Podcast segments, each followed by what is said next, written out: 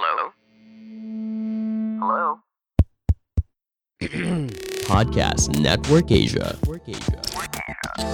Wih, di medsos lagi rame nih tentang sacet-sacet mau di Ayunda. Awalnya gue heran, ini itu apa sih? Kan cuma sebatas selebriti nikah gitu ya, kok bisa segini hebohnya?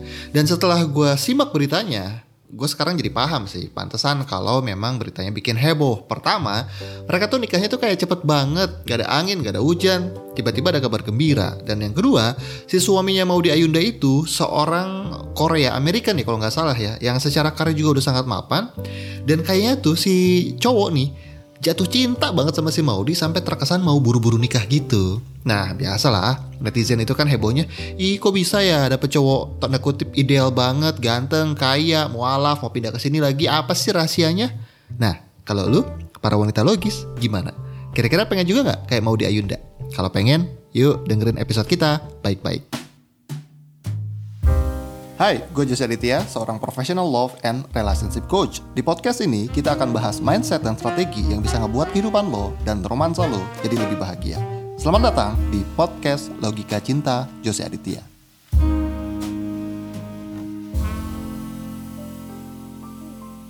Hai wanita logis, Jose Aditya di sini. Sebelum mulai, gue mau disclaimer dulu ya. Kalau gue ini nggak kenal sama sekali sama Maudi Ayunda dan analisa yang gue lakuin berdasarkan asumsi dan pengamatan gue aja sebatas sebagai seorang personal love life coach. Karena dasarnya ini adalah pengamatan dari jauh. Jadi apa yang gue omongin mungkin salah dan bisa salah. Jadi tujuan gue bikin episode kali ini adalah biar kita semua bisa ambil pembelajarannya dari konteksnya. Oke ya, jadi ambil konteksnya bukan kontennya. Sepakat ya? Nah, untuk lo semua yang baru pertama kali denger podcast ini, gue ucapin selamat datang. Semoga lo betah dan ambil banyak pelajaran dari podcast ini. Dan jika dirasa cocok, mendingan lo follow dulu deh akun podcast kita di Spotify, biar lo nggak ketinggalan update episode kita setiap minggunya. Dan jika memang lo suka dan ngerasa podcast ini ada manfaatnya buat hidup lo, boleh yuk kasih rate kita bintang 5 atau bintang berapapun yang menurut kalian pantas, biar para ladies di luar sana bisa ikutan belajar dan bareng-bareng sama kalian jadi wanita logis semua. Nah, kembali ke Maudi Ayunda. Dia yang nikah, eh netizen yang heboh. Gue yakin sih, kalau Maudi Ayunda sendiri mungkin sedikit gak nyaman kalau pernikahannya itu terlalu diomongin rame sama netizen. Tapi ya, namanya juga public figure ya. Udah resiko sih diomongin sama netizen. Nah, yang lagi heboh itu adalah soal sacet-sacetnya Maudi Ayunda. Ada yang heran, kok bisa ya nikah cepet-cepet gitu? Gak takut salah milih apa? Itu yang pertama. Ada juga yang ngerasa kagum. Ih, kok bisa ya cepet nikah sama cowok yang keren banget? Mualaf lagi, mau pindah negara lagi. Apa ya rahasianya? Gua nggak tahu motif kalian denger podcast ini untuk apa. Tapi kita coba akan bedah apa sih yang sudah mau di Ayunda lakukan sehingga dia bisa tanda kutip cepet nikah sama si suaminya. Kalau nggak salah namanya Jesse Choi ya. Uh, salah gak sih gue nyebutnya? Jess, ya itulah ya, Jesse Choi. Kita bahas dari yang pertama, yaitu tentang sacet-sacetnya dulu. Gua sih ya, menurut gue ya, kok gue yakin nih kalau si Maudi Ayunda ini nikahnya tuh nggak sacet-sacet. Tapi gue yakin ya pasti ada prosesnya yang udah dia laluin sama si calonnya untuk bisa putuskan menikah. Karena sebenarnya nikah cepat itu kan maknanya sangat relatif ya, karena cepat atau tidak sebuah proses pernikahan selalu tergantung dari pembandingnya. Banyak orang, termasuk netizen, menilai kalau Maudi itu nikahnya sacet-sacet. Mungkin karena ngebandinginnya sama artis-artis lain yang kalau mau nikah itu perlu pacaran dulu bertahun-tahun, perlu putus nyambung dulu, perlu drama dulu baru deh nikah. Sementara si Maudi ini kayak nggak ada dramanya, mulus aja gitu tiba-tiba nikah. Dan gue pun sebenarnya agak menyangsikan kata-kata tiba-tiba nikah ya. Karena sekali lagi berdasarkan asumsi gue, kayaknya si Maudi itu cukup cerdas deh untuk tidak menikah secara terburu-buru. Karena wanita sekelas dia kayaknya tahu bahwa pernikahan itu bukan sekedar pesta, bahwa pernikahan itu bukan uh, pencapaian, tapi sebuah gerbang baru ke sebuah kehidupan baru. Dan gue juga yakin dia pasti udah mikirin semua konsekuensinya untuk bisa nikah. Jadi menurut gue kalau pernikahannya sih gak akan tiba-tiba dan gak akan asal-asalan. Soalnya ya satu-satu yang dimaksud netizen kan biasanya konotasinya negatif yaitu kok instan banget dan kayak ngasal gitu nikahnya. Tapi again menurut gua ya ini nggak tiba-tiba. Hanya saja jadi terkesan tiba-tiba karena memang para netizen nggak tahu prosesnya. Ya itu sih, karena lu aja nggak tahu kali, makanya kelihatannya satu-satu, padahal makanya udah ada persiapan. So, apa yang bisa kita pelajari dari sini? Ternyata cepat menikah itu bukan artinya asal-asalan. Karena bisa jadi nih, dia memang udah siap nikah dan udah yakin bahwa si pria adalah orang yang tepat untuk dia nikahi. Kalau memang udah sama-sama yakin, ya buat apa ditunda ya nggak sih? Soalnya gue salah satu orang yang percaya bahwa menikah itu sebaiknya disegerakan. Dulu pun gue menyegerakan menikah. Bukan buru-buru loh ya karena menyegerakan dengan buru-buru kan itu beda arti. Kalau menyegerakan tuh gue bersiap gue tahu sama konsekuensinya. Kalau buru-buru tuh ya cuma kebelet nafsu aja gitu loh.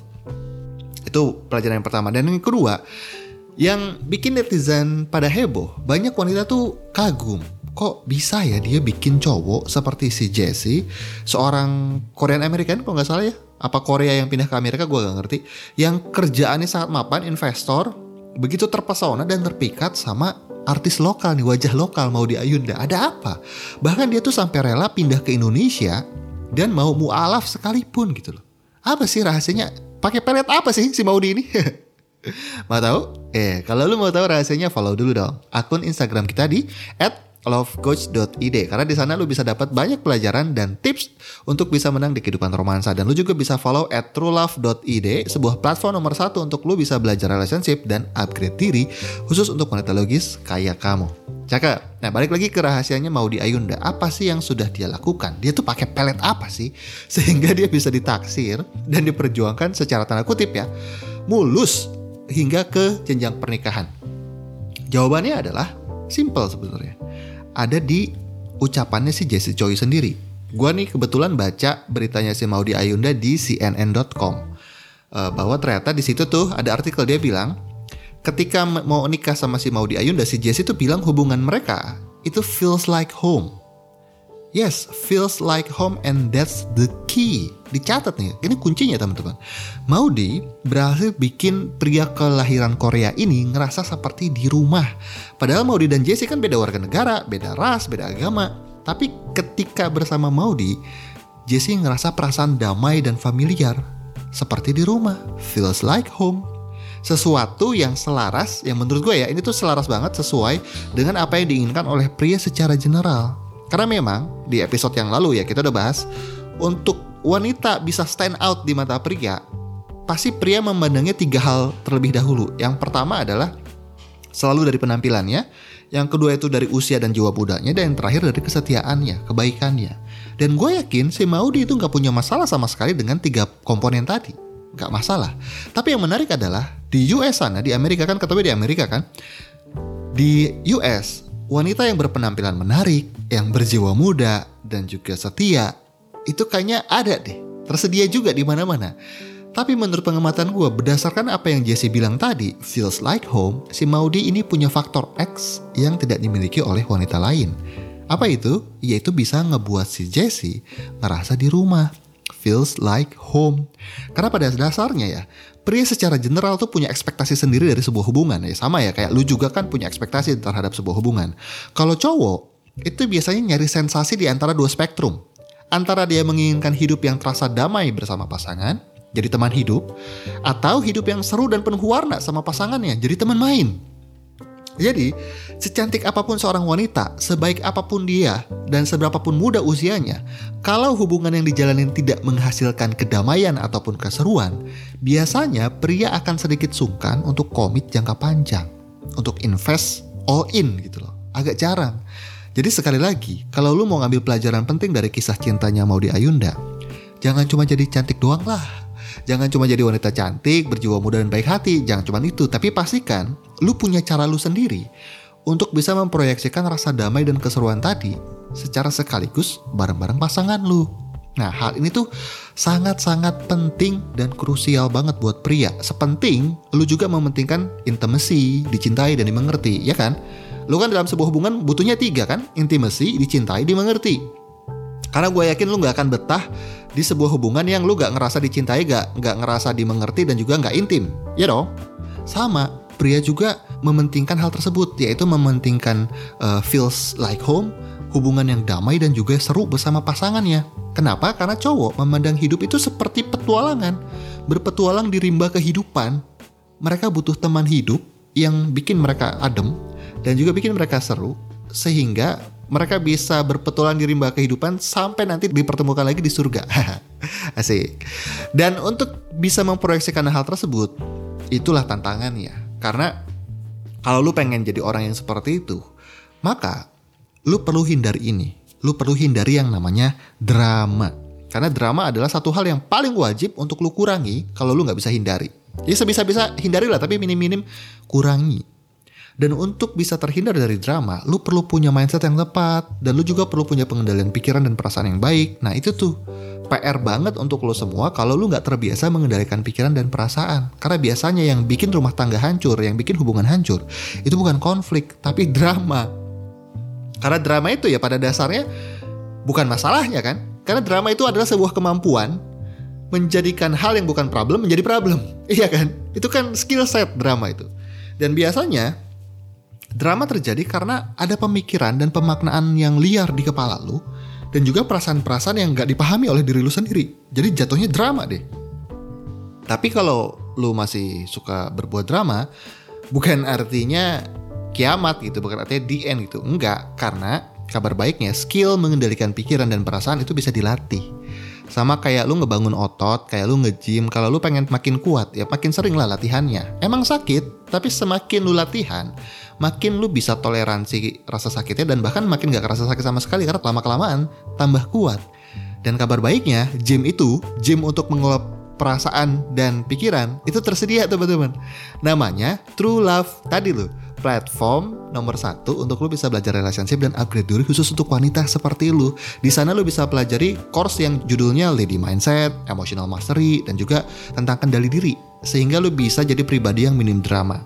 Yuk, Tunggu apalagi join membership VIP kita di www.truelove.id di website. Uh, cek aja detailnya di sana. So, sekarang mari kita simpulkan. Apa sih yang mau gue katakan di episode kali ini? Sekali lagi, yang mau gue jabarkan tentang kisah romansanya Maudi adalah sebatas asumsi dan pengamatan gue semata. Di mana akurasinya hanya Maudi yang tahu apakah yang gue katakan ini relevan atau enggak. Kuncinya adalah, menurut gue ya, kuncinya adalah feels like home. Berikan pria pengalaman damai dan seru dalam petualangan hidupnya. Maka pria akan berjuang mati-matian untuk memperjuangkan wanita yang memiliki kualitas tersebut. Pria akan rela lakukan apa pun, termasuk pindah negara dan melakukan segala-galanya untuk lu. Jika lu punya kualitas seperti itu. Keren ya? Dan yang jelas, jika ada satu hal nih yang kalian wanita logis perlu ingat dari episode kali ini, cuma satu nih yang perlu kalian ingat adalah ini, bahwa tidak ada yang tiba-tiba di dunia ini. Segala sesuatu pasti terjadi ada sebabnya.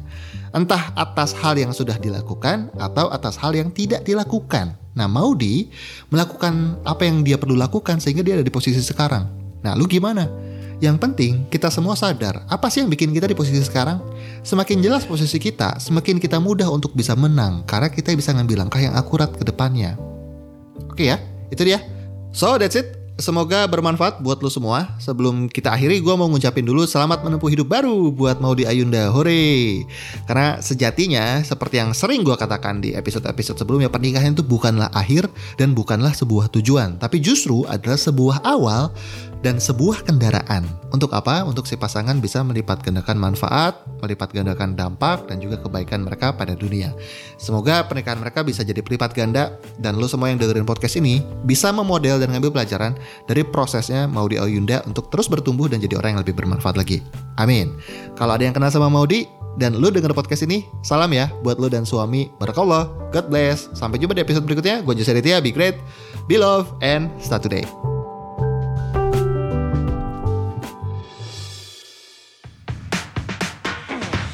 Halo, Denta di sini. Gimana episode tadi? Semoga bisa membuat moodmu naik ya.